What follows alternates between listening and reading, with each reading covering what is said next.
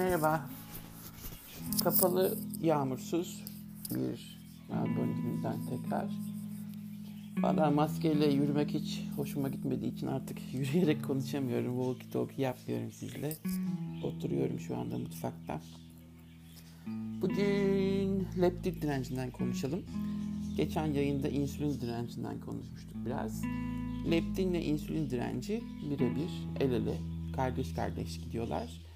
Ee, şöyle ki hepinizin genel bilgisi vardır leptin konusunda. Leptin tokluk hormonu demek. Yani beyne e, işte vücudunda yeterince enerji var, yeterince yağ var, yağ deposu var. E, bu vücudun daha fazla enerjiye yani yiyeceğe ihtiyacı yok sinyali yolluyor ideal bir dünyada. Perfect world'de.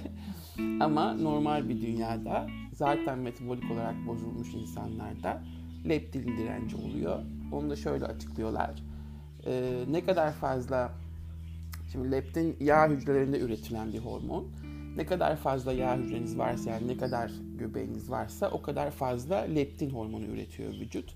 Ve artık sürekli sinyal yollandığı için beyne e, hücrelerde bir süre sonra aynı insülin direncinde olduğu gibi bu leptin organı ee falan demeye başlıyor ve görmüyor. Sallamıyorlar yani bu sinyalleri. Ve kilolu insanlar o nedenle sürekli açlık halinde çünkü beyin onların kilolu olduğunu görmüyor. Beyinleri zayıf olduğunu düşünüyor ve kilolarını görmediği için de normal yiyebilirsin. İşte şu anda acıktın ya, işte şu anda e, bana enerji lazım ye diye e, diğer sinyallerini yolluyor, hormonlarını yolluyor. Grelin gibi açlık hormonlarını falan ve mekanizma ters döngü şeklinde gidiyor. Aslında adamcağız veya kadıncağız şişman ve fazla leptin ürettiği için kanında leptin hormonu fazla ve bunda bir kan testiyle ölçebilirsiniz leptin düzeyinizi. O fazla olduğu halde hala açlık hormonları devrede yani. Yiyebiliyor, karnı acıkabiliyor ve doymuyor. Hatta Willy Prader diye bir hastalık da var. Bu hiç doymayan, sürekli yiyen çocuklar. Mesela bunlarda hiç leptin üretimi yokmuş. O nedenle sürekli durmadan yiyorlarmış. Ee, bu leptin olayı hakikaten çok ilginç. Buna leptin paradoksu diyorum ben. Leptin paradoksunda hem kilo vermeye çalışıyorsunuz. Kilo verdikçe tabii yağ hücrelerinizin oranı düştüğü için leptin sinyali azalıyor. Ama bu arada leptin sinyaliniz zaten fazla kilonuzdan dolayı yüksek olduğu için leptin sinyali azalsa bile bu arada artan yüksek o açlık grelin hormonu bu sefer sizi daha çok yemeye itiyor. İşte bu zayıflama diyetlerinin yani zayıflarken ki yaşanan en büyük sorun bu leptinle grelin arasındaki kavga. Ne kadar zayıflarsanız o kadar fazla acıkıyorsunuz. Ama ne kadar kilonuz varsa da yine acıkıyorsunuz. Çünkü bu sefer de leptin direncine giriyor vücut. Anlatabiliyor muyum? Yani o kadar boktan bir durum ki iki arada bir derede siz tamamıyla bu vücut kimyasallarına, bu vücut hormonlarına karşı e, yüzen, işte akıntıya karşı yüzen somonlar gibisiniz. Ve sürekli savaşmak zorundasınız bununla. Ve bu bir gün, iki gün, üç gün ve tabii insan da bir süre sonra işte diyetlerde habire bırakıyor ya kendini işte out of the wagon dedikleri işte yoldan çıkıyorsun, raydan çıkıyorsun, diyeti bozuyorsun, saldırıyorsun. Hep bunlar beynin e, ve işte bu sinyallerinin bozukluğundan ve dayanılmaz şekilde aslında her şeyin ne kadar hormonlara bağlı olduğunu ve beyin kimyasallarıyla aslında yaptığımız yani bu willpower işte bu bende e, dayanma gücü yok bende hiç güç yok yapamıyorum diye dedikleri insanların bu çok büyük psikolojik bir e, baskı var beyinden gelen ve bu hormonlar eliyle bu kimyasallarla ve ona karşı yüzmek hakikaten çok bir dirayet istek gerektiriyor ve bunu bir dönem sağlığınız için yapmanız lazım. Fakat şöyle de dedikleri de doğru. Mesela kilo veren insanlar aşağı yukarı iki sene sonra verdikleri kilonun tam iki katını geri alıyorlar. Ve bu kanıtlandı yani bütün deneyler böyle çıkıyor. ilk senede işte %70 kilo alıyorsa ikinci sene sonra ancak %95 ile kilo alıyor. Yani geriye 3-5 yüzdesi kalıyor ki verilen kiloyu tutan insanların şeysi. Fakat bununla moralinizi bozmayın. Benim hep insanlara söylemeye çalıştığım olabildiğince hızlı kiloyu verin. Ondan sonra maintenance dediğimiz işte o kilo tutma konusuna e, hayat boyu devam etmek zorundasınız. Yani artık hayat boyu e, hiçbir şeyi aşırı tüketemezsiniz. Hiçbir e, zararlı yiyeceği her gün yiyemezsiniz. Buna artık hayat boyu kendinizi alıştırmak zorundasınız. Bu nedenle ben hızlı kilo vermenin taraftarıyım. Çünkü hızlı, hızlı kilo verildiği zaman e, insana bir şevk geliyor, bir motivasyon geliyor o kilo kaybını görünce.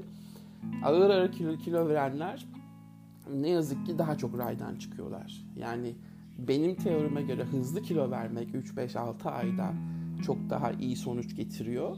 Ondan sonra ama tabii saldırmamak şartıyla. Yani artık bundan sonra hiçbir zaman o eski hayatınızdaki kötü yemek alışkanlıklarına dönmemek şartıyla. Ama böyle işte haftada yarım kilo verin, ağır ağır giden diyenlere ben karşıyım. Çünkü psikolojik olarak kilonun sabit durduğunu görmek o tartı üzerinde insanı çok yıpratıyor ve bunu böyle işte bir hafta, iki hafta, bir sene falan şeklinde yarım kilo vererek e, devam ettirenlerin e, bir yere vardığını görmedim ben. Her zaman için benim taktiğim hızlı kilo vermek. Ondan sonra da tamamıyla artık beyninizi e, işte bu kontrol, kilo kontrolüne odaklamak hayat boyu. Olay bu. Ve leptin direnci de bizim kullanacağımız çok önemli şeyler var. Ee, ne diyeyim yöntemler işte aletler var. Bunların birincisi zaten keton şeyler ketojeniden beri gelen alışkanlık artık IF diyetler yani e, intermittent fastingler. Yani uzun e, zaman aralıklı yemek olayı.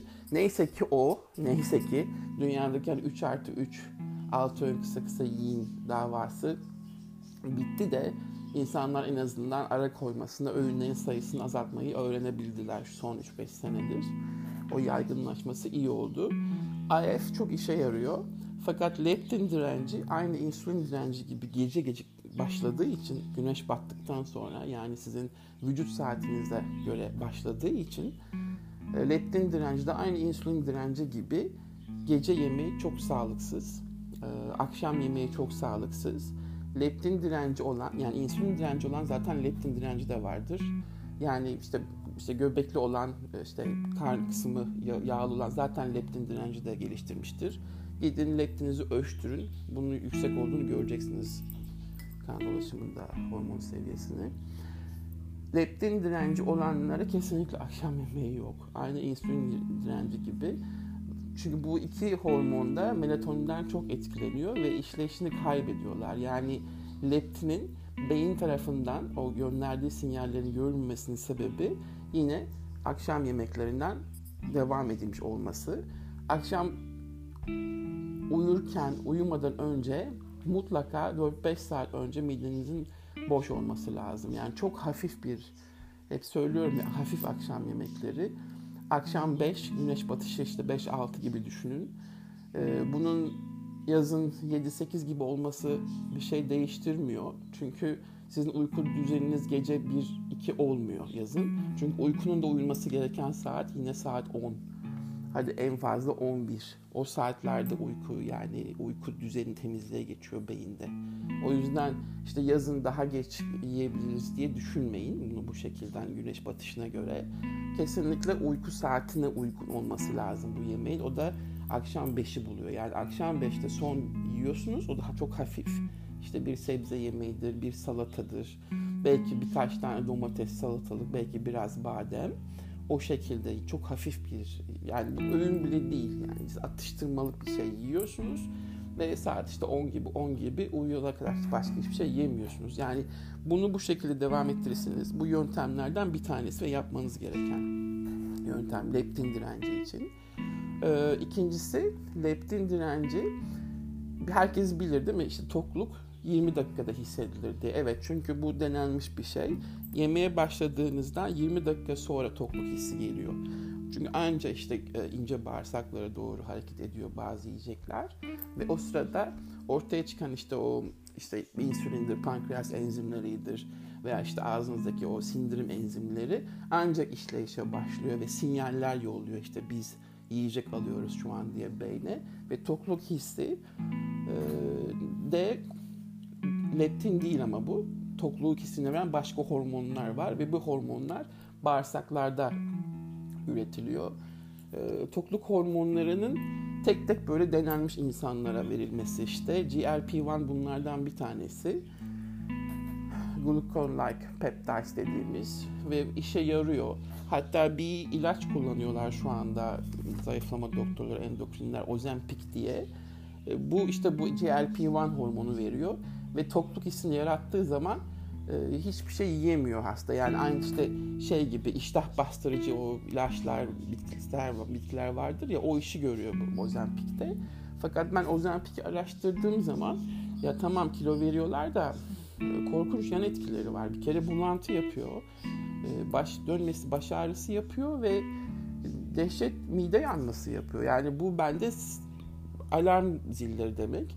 Çünkü demek ki bir şey bunun oral olarak verilmesi, mideye gitmesi bu e, şeyin GLP-1 hormonu, Ozempic ilacıyla mide için iyi değil. Mide bunu kabul etmiyor. Çünkü bu hormonlar bağırsakta üretiliyorsa ve sen bunu oral olarak mideye yolluyorsan e, bunda bir geri zekalılık var bana göre.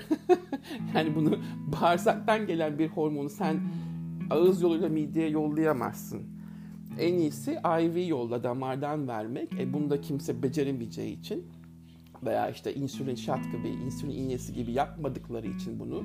Niye yapmadıklarını da bana sormayın. E, bu, bilimciler herhalde kafaları bu kadar çünkü önlemek istemiyorlar demektir bu işte şişmanlığı veya obeziteyi o anlama geliyor yani. O yüzden oral alınan bu tableti ben karşıyım. Hatta en son işte bir arkadaşının başına geldi. Ona Amerika'da vermiş doktoru. Dedim valla yani işte yan etkileri korkunç. Dedim yani bir bir açlığını bastırabilmek için ve az yiyebilmek için bu ilacı kullandığın zaman mideden olma yani sonuçta. Miden gidecek belli ki. Birebir görüyorsun bunu. Bunu salak yani çok zeki olmaya gerek yok. Bunu işte okuyorsun yan etkilerini. Ve bunu oral olarak verilmesi doktor tarafından bilmiyorum. Ben, ben benim beynim almadı, benim mantığım kabul etmedi böyle bir şeyi. Neyse, e, akşam yemediniz. İkinci olay, çok yavaş yiyeceksiniz. 20 dakika olayı gerçek olduğunu bile bile hala ağzınıza tıkıştırarak işte 5 dakikada hemen o tabak bitsin öbürüne geçeyim falan şeklinde hayır değil.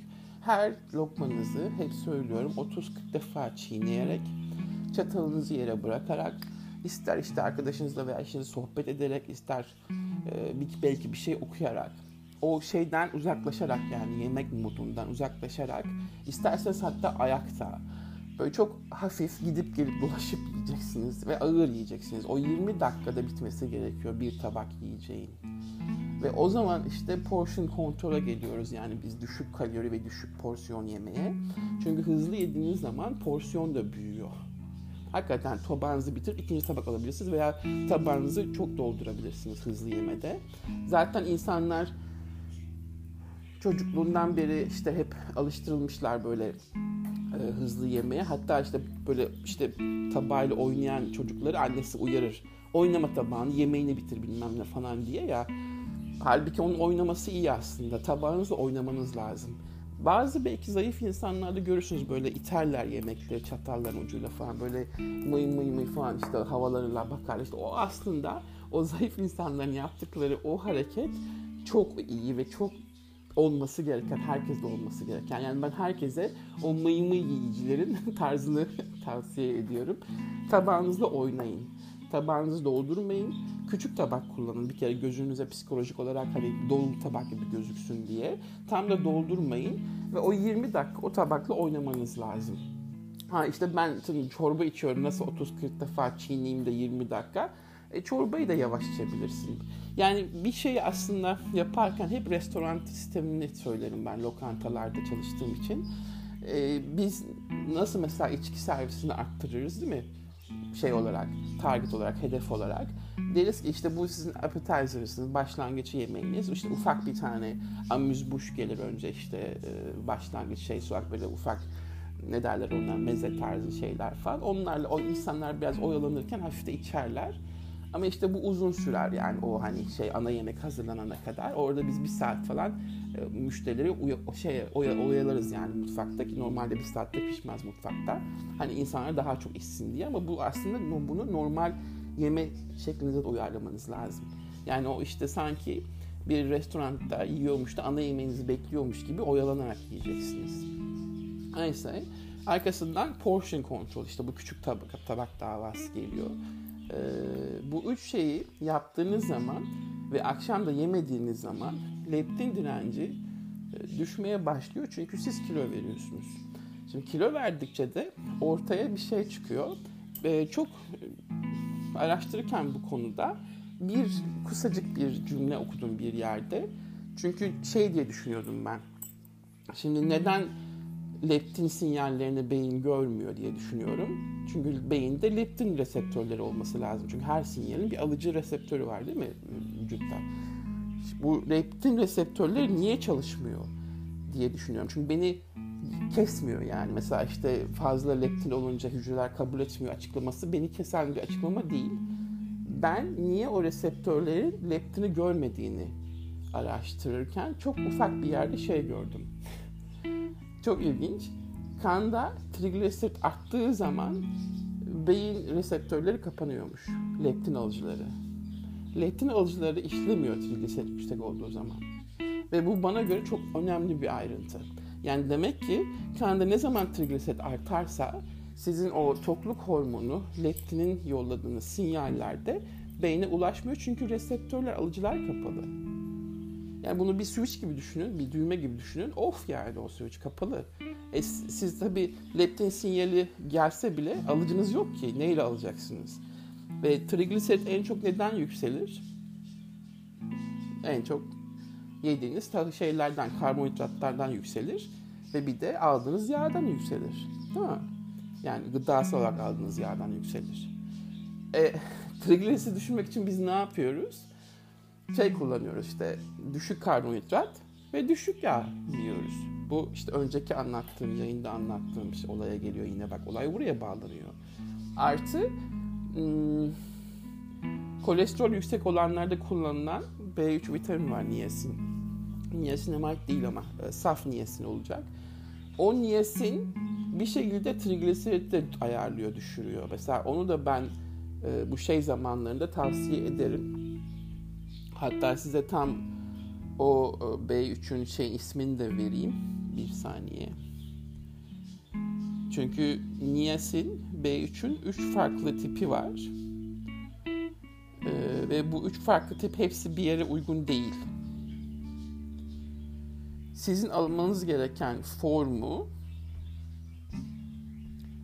hmm, nikotinik asit. Nikotinik asit saf B3 formu niyasin. Diğer bir formu nikotinamide dediğimiz bu cilde iyi gelen şey. Niye nikotinamide diye geçer. O formun karaciğerle bir ilgisi yok. Yani sadece cilt tarafına iyi geliyor. Onu nikotinamide cilt için alabilirsiniz. Ama nikotinik asit formu üzerine nikotinik asit yazacak. O B3'ü aldığınız zaman hem kolesterol hem de trigliserit dengesi düzeliyor. Ben 3-6 ay bunu kullanmaktan yanayım yani günlük işte 500 bin mikrogram ne kadar yazıyorsa üzerine. O bir destek veriyor. Artı hmm, şey bastırıcıları var. Appetizer işte bu iştah bastırıcıları. Mesela benim de ne diyeyim? Afrika mango. Garcinia Kamboçya da olabilir ama Afrika mango biraz daha iyi. Garcinia Kamboçya'nın bazı yerlerde karaciğere zarar verdiğini okuduğumdan beri ben pek onun taraftarı değilim ama e, hadi bir süre o da kullanılabilen çok bir şey değil. Ee, bir tane daha geçen gün not almıştım. Bir saniye onu da söyleyeyim. Fox Clean diye bir şeysi var.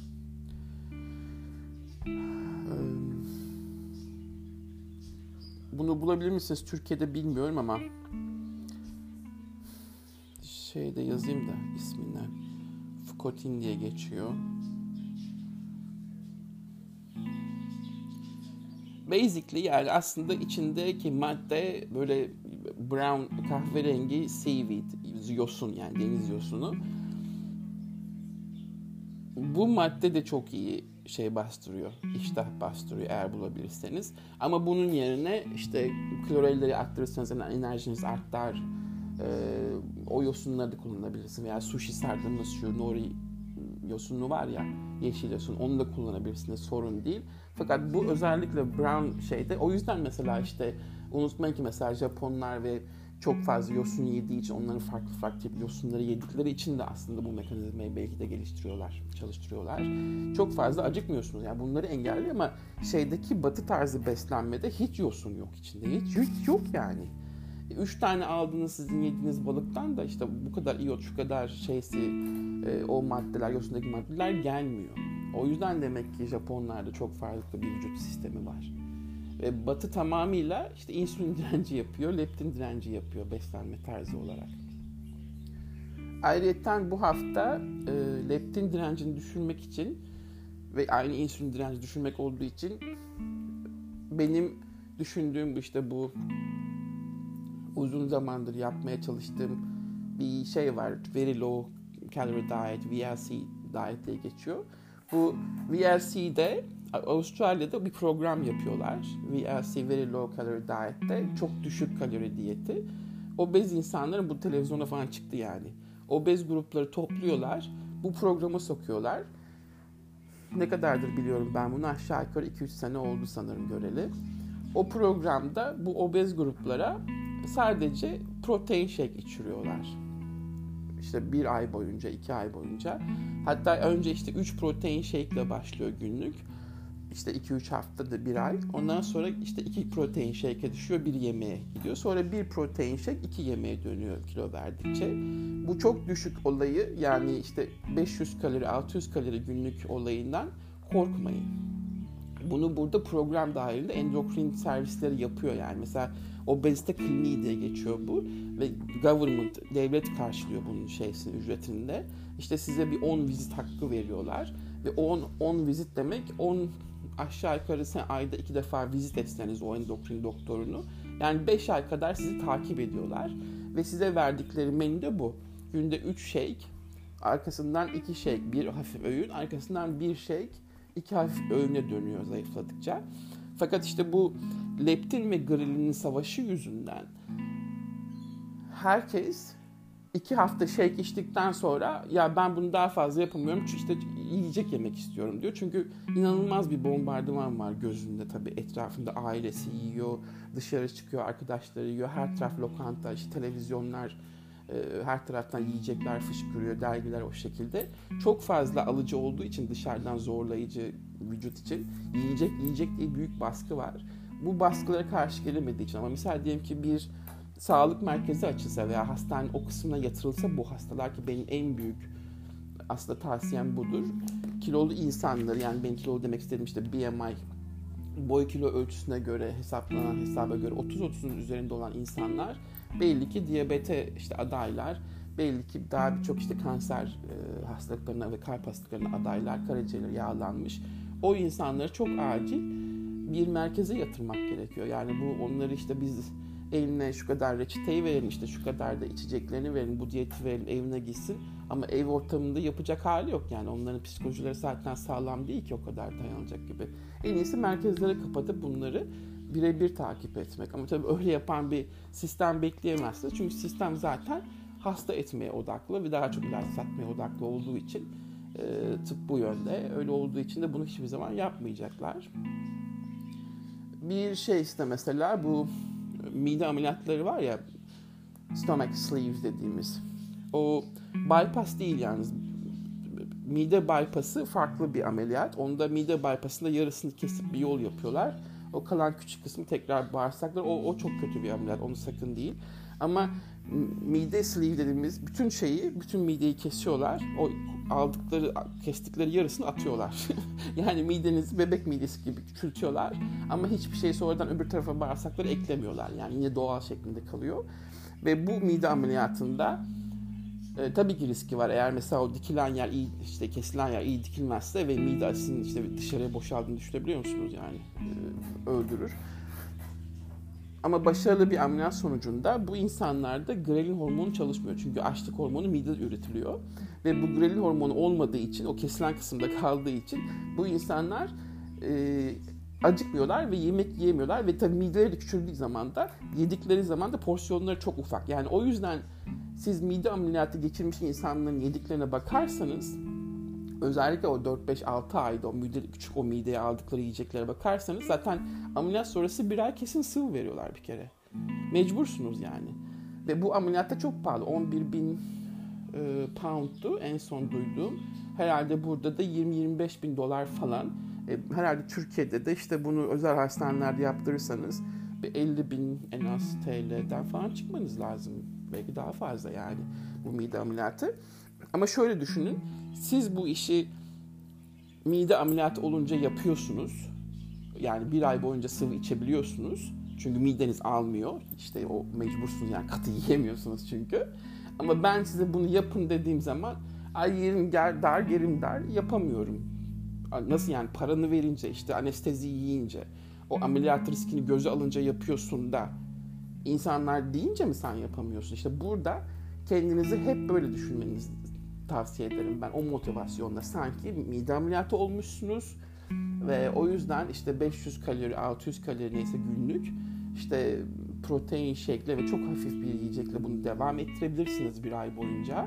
Hatta iki ay boyunca. Bunda hiçbir sakınca yok. Çünkü o mide ameliyatı geçiren insanlar böyle yaşıyor zaten ilk üç ay. Ve hiçbiri de ölmüyor. işte bayılmıyor. Bilmem neler olmuyor. Yani bu düşük kalori olayından insanları korkutmalarını ben anlamıyorum. Hani işte böyle açlık modunda giriyor işte vücut daha böyle kötü olacak bak göreceksin falan diye korkutuyorlar ya. E ama aynı korkutan insan doktorlar bu sefer gidip mide ameliyatı yapıyor. Yani buna da hatta Türkiye'de metabolik ameliyat, diyabet ameliyatı falan diyorlar. Evet gerçek çünkü İngiltere'de bu ameliyatı geliştiren doktor ismi verdi buna metabolik ameliyat diye. Ve aynı doktorlar bu hastalarına 2-3 ay boyunca çok düşük kalori diyetler verirken, beslenme verirken bu tarafa bakıyorsun aynı doktorlar size sakın düşük kalori yemeyin. İşte açlık moduna giyersiniz, mahvolursunuz, ölürsünüz bilmem ne falan gibi reklamlar yapıyor. Yani buradaki mantıksızlığı görebiliyorsunuz değil mi benim gördüğüm gibi? Yani bu bir karar verin. Ya o zaman mide ameliyatı da yapmayacaksınız. Ama ondan sonra insanların hayatı kurtuluyor mide ameliyatıyla. Veya o zaman bunu söylemeyeceksiniz. Yani iki tane contradiction, iki tane e, kendi kendilerini çökertiyorlar bu şeyle anlatımlarla verdikleri yanlış sinyallerle insanları. O yüzden korkmayın yani düşük kaloriden hiçbir şey olmaz.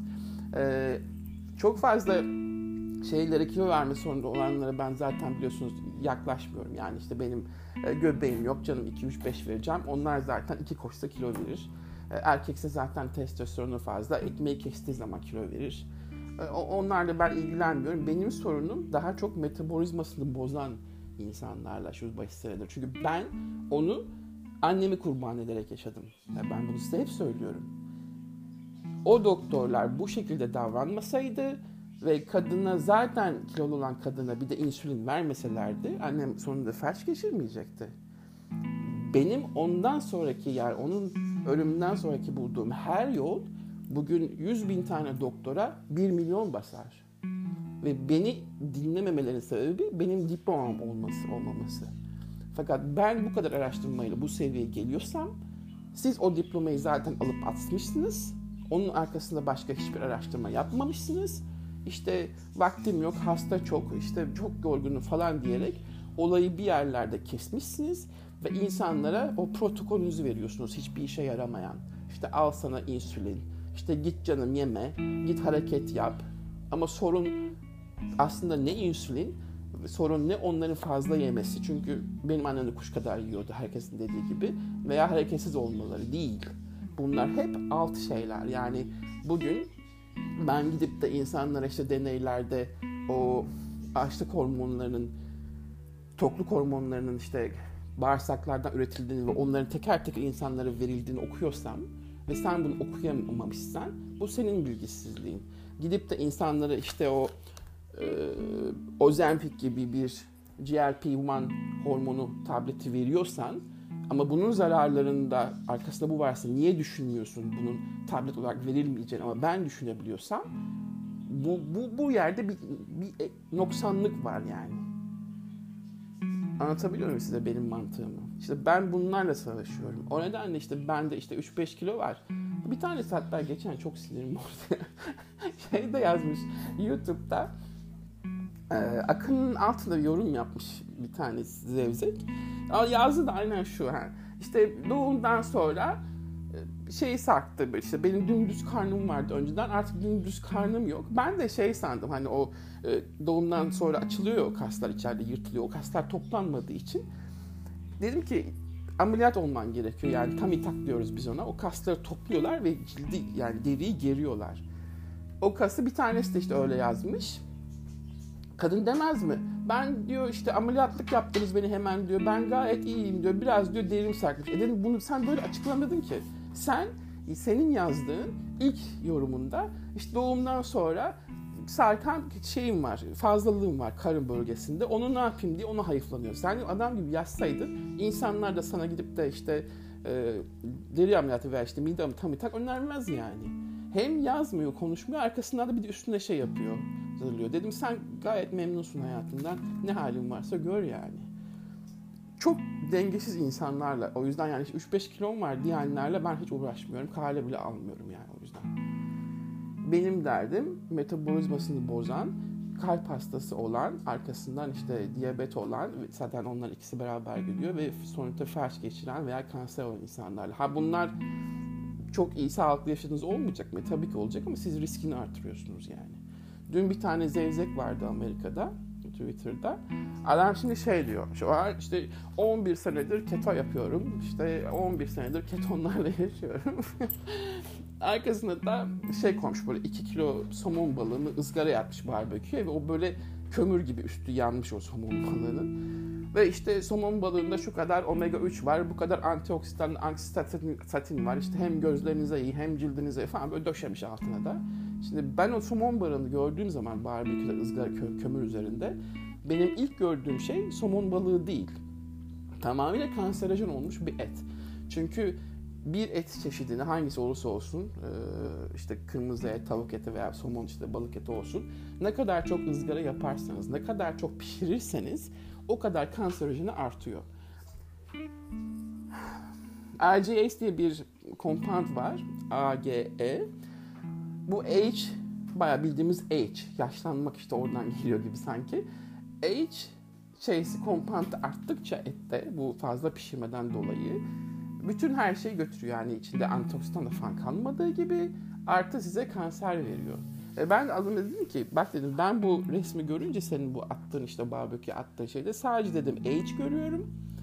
Ve dedim kanserojen et görüyorum. Afiyet olsun dedim ben buna. Bu da bana tabii ki afiyet oldu bana diyor. Sen diyor işte bunlarla mı uğraşıyorsun falan diyor. Dedim evet uğraşıyorum çünkü sen şeyi görmüyorsun. Orada antioksidan işte e, bu somon balığı antioksidandır derken Öbür tarafta kanserojen H'leri görmüyorsun. Bu bana mantıksız geliyor senin sağlıklı işte kod adı altındaki sağlıklı beslenmen dedim. Bozuldu. İşte bu diyor ki ben diyor haftada iki defa yapıyorum bunu diyor. Ondan sonra belki öbür etlerini normal yiyorum diyor. Bak şimdi onları çevirdi. Nah normal yiyorsun. Sen öbür etlerini de böyle kızartıyorsun. Yüzde yüz eminim. Hatta tavada kızartıyorsun. Ne fark ediyor yani barbekü yerine? Yüzde yüz eminim.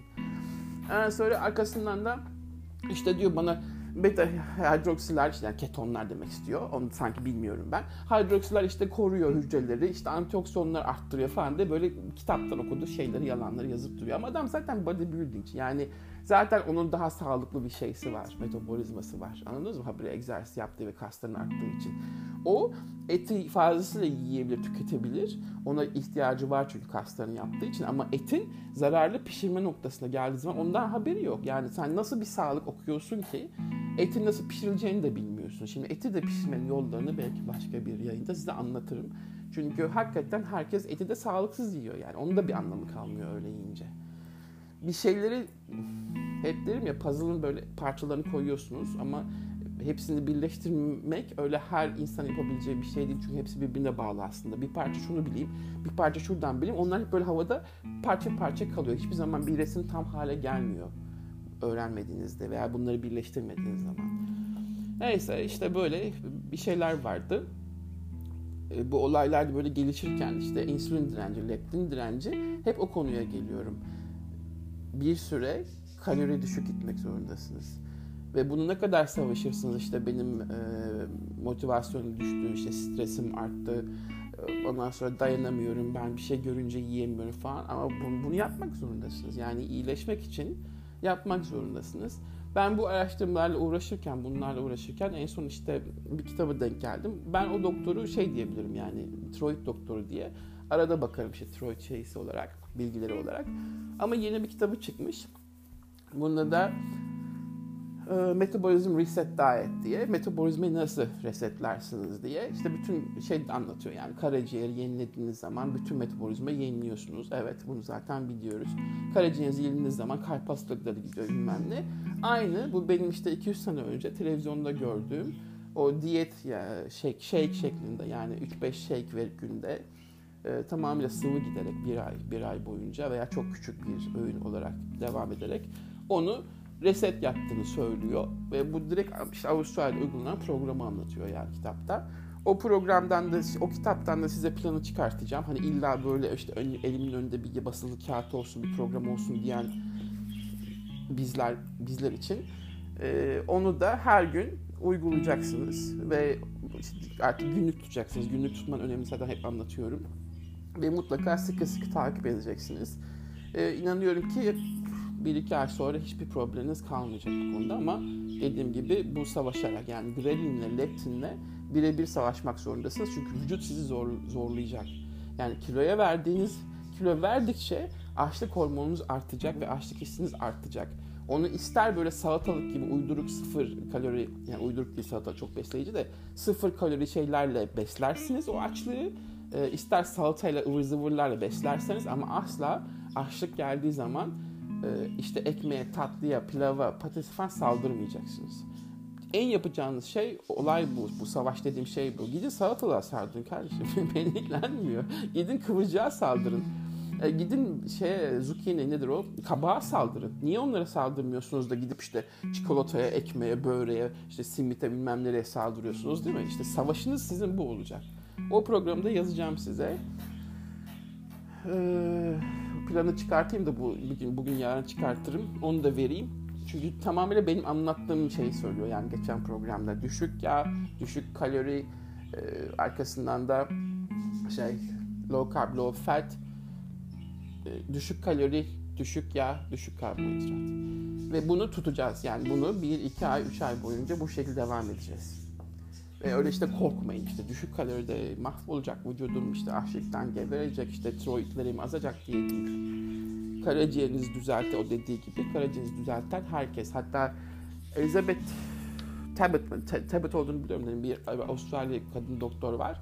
O karaciğer doktoru mesela burada. Kadın 30 senedir bu konuyu yazıyor. Yani artık bilmeyen kalmadı. Şimdi artık bilmeyen kalmadı derken de bunu herkes biliyor da işte yapamadıkları için e, vatandaş, yurdum insanları e, habire pişirip pişirip önüne getiriyorlar işte bu diyet kitaplarıyla habire. Ama aynı şey söylüyor hepsi. Aynı şey söylüyor. Şimdi IF'i öğrendiniz. E, aralıklı yemeği tamam. Atıştırmadan yiyorsunuz tamam. Şimdi öğrenmeniz gereken şey akşam yememek. Evet bu kolay değil çünkü çok uzun zamandır yaptığınız bir alışkanlık. Ama ağırlığınız kahvaltı ve öğlen olacak. Akşam yemeyeceksiniz. Çok az böyle işte dediğim gibi iki salatalık birkaç badem. Yani yemek olmayacak, o öğün olmayacak akşam öğün. Bunu başardığınız anda e, zayıflarken yani akşam yemeğinizi başardığınız gün, yememeyi başardığınız gün ve zayıflarken de o artan açlık hormonuna gidip de kötü yiyeceklere saldıracağınıza, işte salatalığa saldırmayı öğrendiğiniz gün bu işi bitireceksiniz zaten hayat boyu. Bunu anlatmaya çalışıyorum sizlere. Şimdilik işte böyle arkadaşlar. Kendinize iyi bakın. Sağlıcakla kalın. Hoşçakalın. Bye. thank you